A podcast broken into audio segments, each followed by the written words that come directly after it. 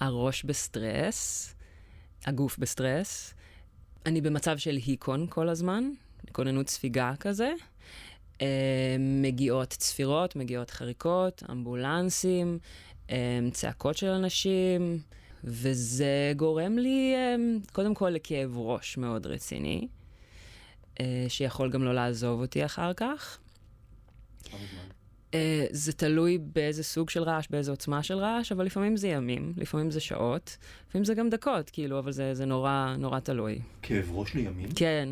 זו מיכל תמרי, אני מיכל תמרי, אה, אני בת 31, אני גרה בירושלים, נולדתי בירושלים. מיכל סובלת מתופעה בשם היפראקוזיס, רגישות יתר לרעשים. כשאנשים עם היפראקוזיס נחשפים לרעש, הוא משפיע עליהם הרבה יותר מאשר על רובנו, פיזית ונפשית. מקובל לחשוב שעשרה אחוזים מהאוכלוסייה סובלת מהיפראקוזיס, אבל הקבוצה הזו הולכת וגדלה ככל שהסביבה שלנו נעשית רועשת יותר. והיא נעשית רועשת יותר. אנחנו הסאונד של ישראל, פודקאסט שבו אנחנו בוחנות ובוחנים את איך שהמדינה שלנו נשמעת, ודרך זה מנסות ומנסים להבין מי אנחנו ומה הסאונד הזה אומר עלינו, חברתית, תרבותית ופוליטית. ובפרק הזה, זיהום רעש. אנו מכריזים בזאת!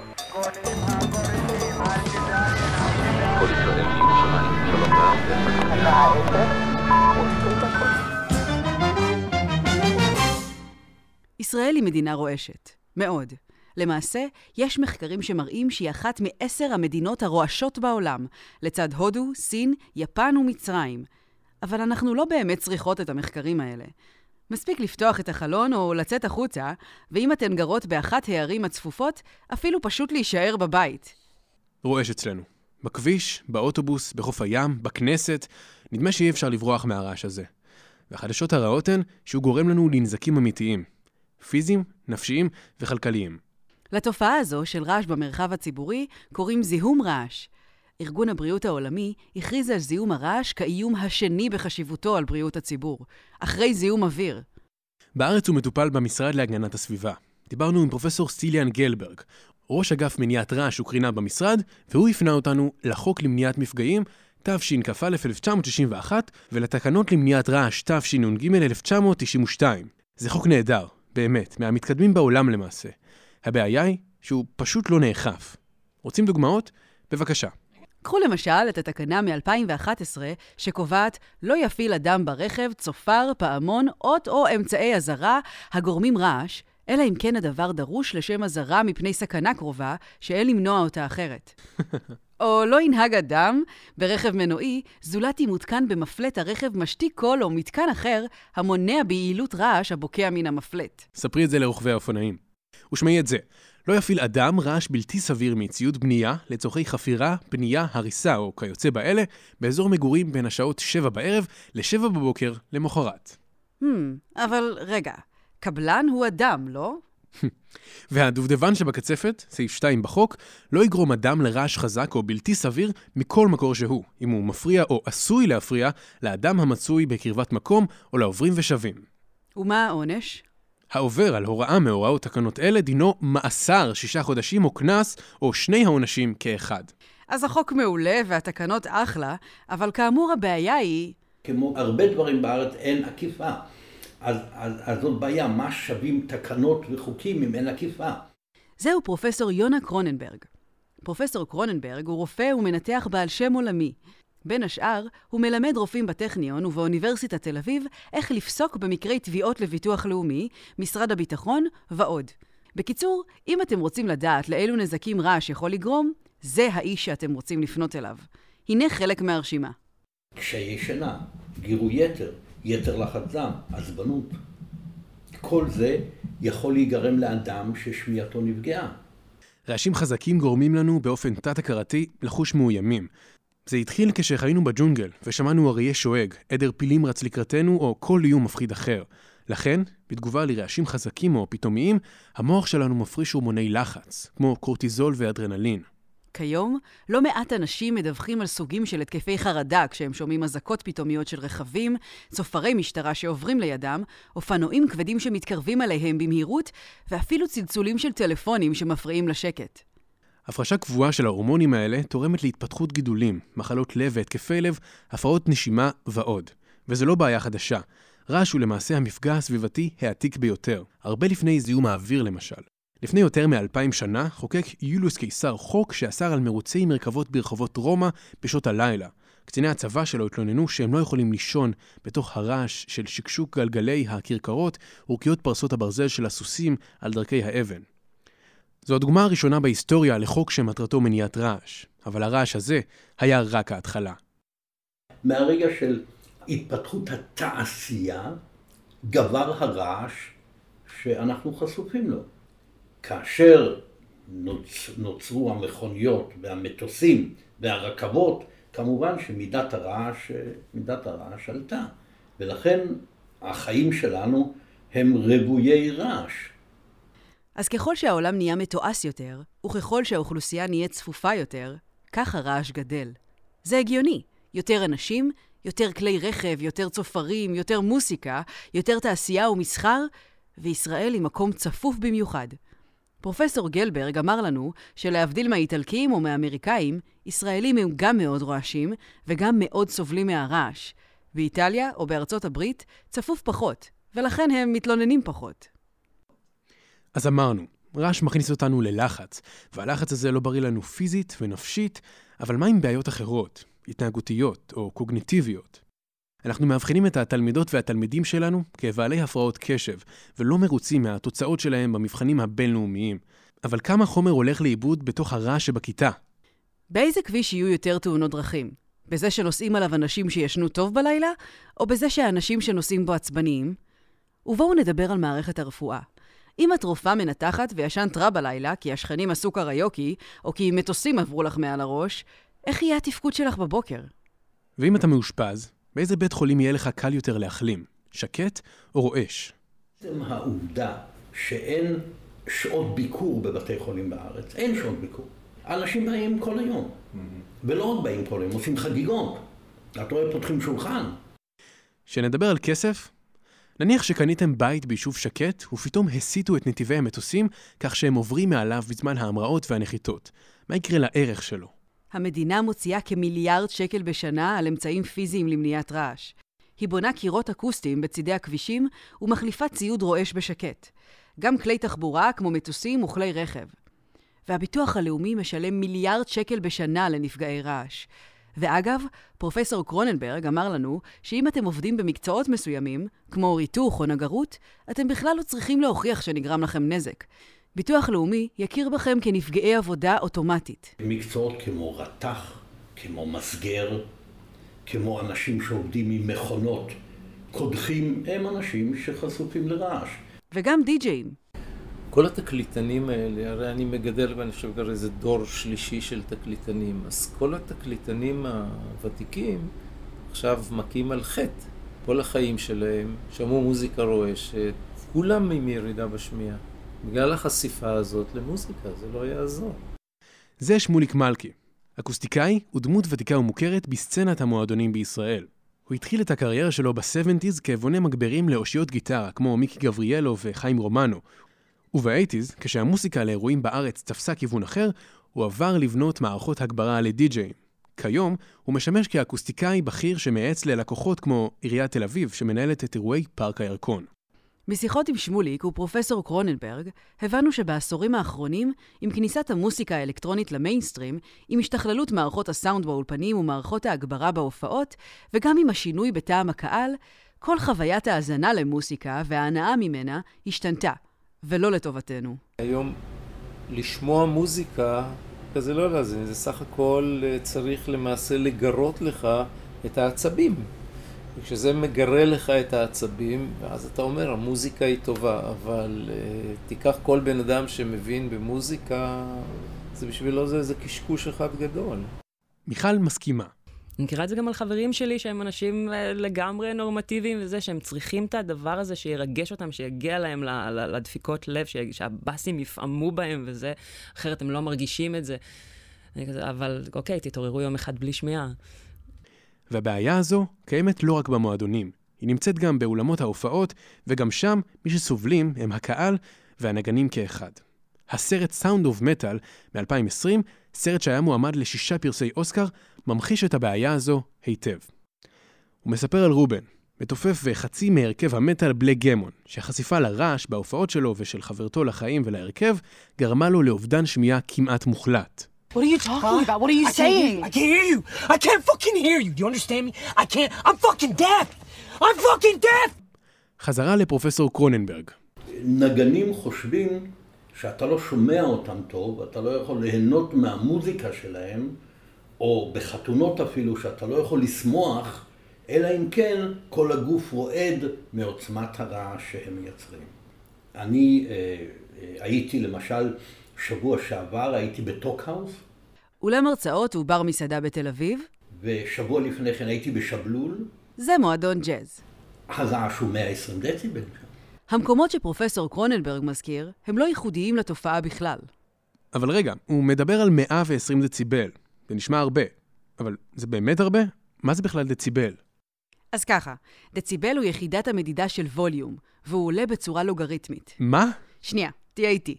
זה אומר שבכל פעם שהווליום עולה בעשרה דציבלים, הוא בעצם נהיה חזק פי עשר. הנה כמה דוגמאות. עשרה דציבל הוא ווליום של נשימה. פי עשר מזה, 20 דציבל, הוא ווליום של לחישה. 40 דציבל הוא הווליום של אזור מגורים שקט בלילה, עיר שינה מה שנקרא. זו עלייה של 20 דציבל, 10 ועוד 10, אבל זה בעצם אומר שהווליום חזק פי 100 מווליום של לחישה. 10 כפול 10. 50-60 דציבל זה ווליום של שיחה, 80 דציבל כביש ראשי, 90 דציבל מסור חשמלי. פי עשר מכביש ראשי. נכון, 100 דציבל, פי 10 מזה, הוא הרעש שיש במסגרייה או במשחזה.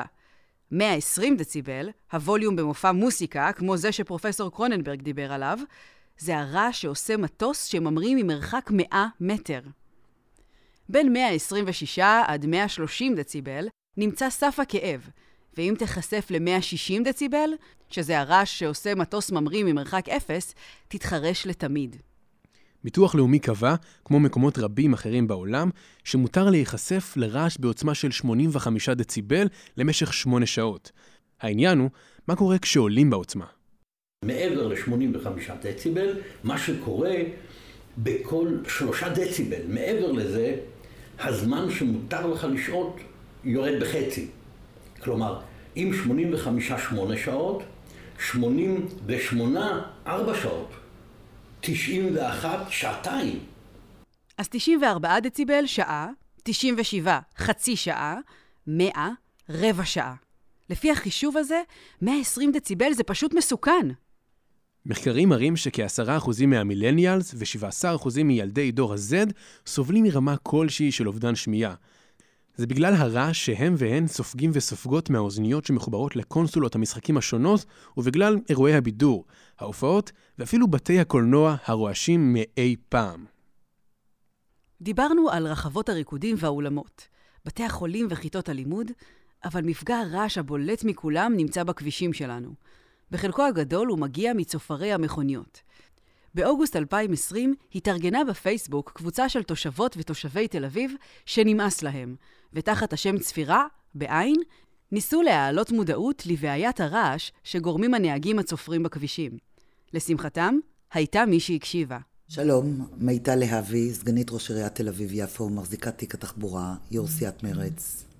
מיטל נפגשה עם מובילות הקבוצה, שמונה מעל לאלפיים איש ואישה. וניסינו לראות מה אפשר לעשות. אבל הסתבר שמבחינת העירייה לא פשוט לטפל בבעיה הזו. זה משום שבחוק העזר העירוני אין סעיף שמשית קנס.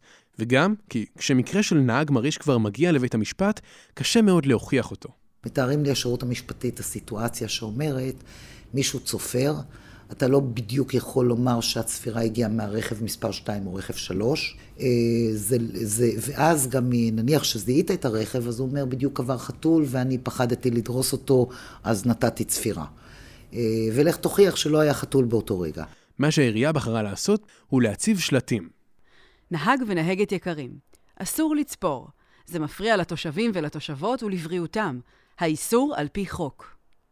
התוצאות? למרות שמספר תלונות הרעש מהמקומות בהם הוצבו השלטים פחת, ולמרות שתושבות מאזורים אחרים בעיר ביקשו ששלטים כאלה יוצבו גם אצלן, קשה לומר שהשילוט שינה את המצב דרמטית. מה שכן, הוא הוליד תגובה מעניינת. תושבות ותושבים יצרו ותלו שלטים, מעשי ידיהם, עם כתוביות כמו הילדים רוצים לישון בשקט, תתחשבו בהם. אה, תמונות של תינוקות, תמונות שמדברות פרסונליזציה ונגיעה ברגש. תודו שיהיה לכם קשה יותר לצפור מול תמונה של תינוקת ישנה.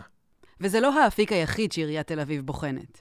לכן בוא אני אומר לך שאנחנו במקביל מחפשים טכנולוגיות, שמה שצריכה הטכנולוגיה לעשות חוץ מלזהות הרעש ואת עוצמת הרעש ואת uh, מקור הרעש, זה, זה באמת לזהות את מקור הרעש בצורה שתאפשר אכיפה. כלומר, טכנולוגיה שתדע להסתכל על פקק, לזהות מאיזה רכב הגיע הרעש הלא הכרחי ולשלוח לנהג שלו קנס. באפריל השנה התבשרנו שמערכת כזו תתחיל לפעול כפיילוט ברחוב אבן גבירול בתל אביב. מערכת דומה כבר פועלת בפתח תקווה תחת השם Noise, וטכנולוגיה כזו, מינוס הקנס, כבר פועלת בירושלים. קוראים לה מבט 2000, והיא מורכבת ממצלמות שעל חלקן יש חיישני קול שיודעים לזהות פיצוצים, צעקות, שבירת זכוכיות וכדומה. והקשר, רעש, סטרס, אלימות, הוא קשר חזק. עדן אוחיון, בן 20 מבאר שבע, רצח לפני שנתיים את גדי ויכמן בגן הציבורי שליד ביתו של ויכמן אחרי שהוא ביקש מאוחיון ומחבריו שקט. זה קרה בליל שבת אחד במאי 2012. גדי ויכמן, בן 36, אב לשניים, ניסה להרגיע את בתו הקטנה שלא הצליחה לישון בגלל רעש שעשתה חבורת צעירים בפארק מתחת לביתו שבבאר שבע. בשתיים בלילה, אחרי שמיכל אשתו ביקשה מהם להפסיק להרעיש, ומשטרה שהגיעה למקום לא הצליחה להפסיק את המטרד, הוא ירד אליהם וביקש מהם שיהיו בשקט. הבקשה הזו עלתה לו בחייו. וכל מי שנסע באוטובוס מכירה את זה. מעל הצופרים שמגיעים מהכביש ולרמקול החזק מדי באוטובוס שמכריז על התחנה, יש את האנשים שמנהלים שיחות בקולי קולות, ואת אלה שרואים וידאוים בטלפון בלי אוזניות. אי אפשר לדבר עם הילדים האלה בדרך כלל. בדרך כלל זה ילדים, ואתה מדבר איתם ואתה חושש לחייך. מיכל צוחקת, אבל זה נושא רציני. 80% מהפניות שמגיעות למשטרה אחרי 10 בלילה הן בנושאי רעש. במשטרת ישראל נרשמות בכל שנה לא פחות ממיליון וחצי תלונות נגד מפגעי רעש. וכשתתקשרו להתלונן, יבקשו מכם לא לגשת למקום ולא להתעמת עם מייצרי הרעש, אלא להשאיר את הטיפול למשטרה. הרעש סובב אותנו מכל עבר, והוא פוגע בכל האספקטים של חיינו, גם אם אנחנו לא מרגישות את זה. אז מה עושים? הפתרון הוא כנראה בחינוך. כמו שלימדנו את עצמנו לא לקטוף פרחים, אם אנחנו נצליח ללמד את האנשים, את מייצרי הרעש, שאפשר לשמוח גם ב-75 דציבל, זה עניין של חינוך. מיטל להבי הזכירה גם את קמפיין לא זזים עד שכולם מקליקים, שגם עזר לשנות התנהגות. המשותף לשני הקמפיינים הוא שהם פנו לילדים שחינכו את הוריהם. האם נראה קמפיין אבא אל תצפור זה במילא לא יעזור? אולי. אבל עד שהחינוך הזה יחלחל, וכל עוד אנחנו חיים וחיות עם הרעש הזה, אספנו לכם כמה טיפים שיעזרו לכם להתמודד איתו. כשאתן הולכות להופעות, קחו איתכן אטמי אוזניים. את הפשוטים אפשר למצוא בסניפי הפארמים. למקצועניות, מוסיקאיות ודי-ג'איות, ואלה שמוכנות להשקיע קצת יותר, יש אטמים מיוחדים. שכחתן אותם בבית? קפצו לשירותים ושימו באוזניים קצת נייר טואלט מגולגל. לא עמוק מדי. גם מפית מהבר תעשה את העבודה. ואל תעמדו ליד הרמקולים. קנו אוזניות. יהיה יותר קל לכל מי שסביבכם אם את המשחקים שאתם משחקים והסרטונים שאתם רואים באוטובוס תחוו עם אוזניות. ואם אתם גיימרים, השקיעו באוזניות טובות, הן ישמרו לכם טוב יותר על האוזניים. ואל תעשנו, מסתבר שלמעשנים יש 60% יותר סיכוי לפתח בעיות שמיעה מללא מעשנים. ובכביש, לפני שאתם מתעצבנים וצופרים, חישבו רגע. אתם לא באמת יודעים מה קורה לפני הרכב שלפניכם. אולי הולך רגל חוצה את הכביש. אולי רכב מנסה לחנות. חישבו על הולכי הרגל ועל מי שגר מסביב. ושזה כנראה לא באמת יעזור. קחו נשימה, תקשיבו לפודקאסט. הרי הכביש ייפתח בסוף, והעוד כמה שניות האלה של עמידה לא שוות את העצבים שלכם. ברט קוסקו, מחבר הספר רעש, ממליץ לנו להתרחק ממנו. לצאת להרים או למדבר פעם בשבוע-שבועיים. יש ירידה מיידית בלחץ ותחושת רווחה חדשה, הוא אומר. כשאני נמצא בסביבה שקטה באמת, אני יותר יצירתי ויכול להתמודד עם אתגרים. וכללית, כמו שאומרת מיכל, תחלישו, תחלישו, תנסו. תנסו יום אחד לקחת לכם אתגר של לשמוע בווליום יותר, אה, יותר חלש, של לדבר יותר חלש, של להגיב אולי יותר חלש, אה, יותר, יותר עדין, יותר להקשיב אולי, מאשר רק להוציא ולהוציא ולהוציא. אה, ותראו מה זה עושה לכם ולאנשים אחרים שאתם באים איתם במגע. מי יודע. סביבה שקטה יותר היא סביבה עם איכות חיים טובה יותר, עם פחות סטרס ועם פחות בעיות בריאותיות ונפשיות. שווה לחשוב על זה. עד כאן הפרק הזה של הסאונד של ישראל. אני נעמה כתבי. אני נועם סוויסה. הסאונד של ישראל היא הפקה של אמיר אשר, על פי רעיון של שחר אבירי. ראיינו שחר אבירי, אמיר אשר ואני. סאונד, ניקו גולדשטיין. אות פתיחה, תומר גולדנברג וניקו גולדשטיין. כולנו בוגרות ובוגרי קורסי הרדיו, הפודקאסטים והקריינות במכללת BPM. שם גם הקלטנו את הפרק הזה. תודה מיוחדת לחיליק רוזנבלום, ממלרז. אם נהניתם, נשמח שתחלקו את הפודקאסט הזה עם מי שיוכלו להפיק ממנו עניין ותועלת.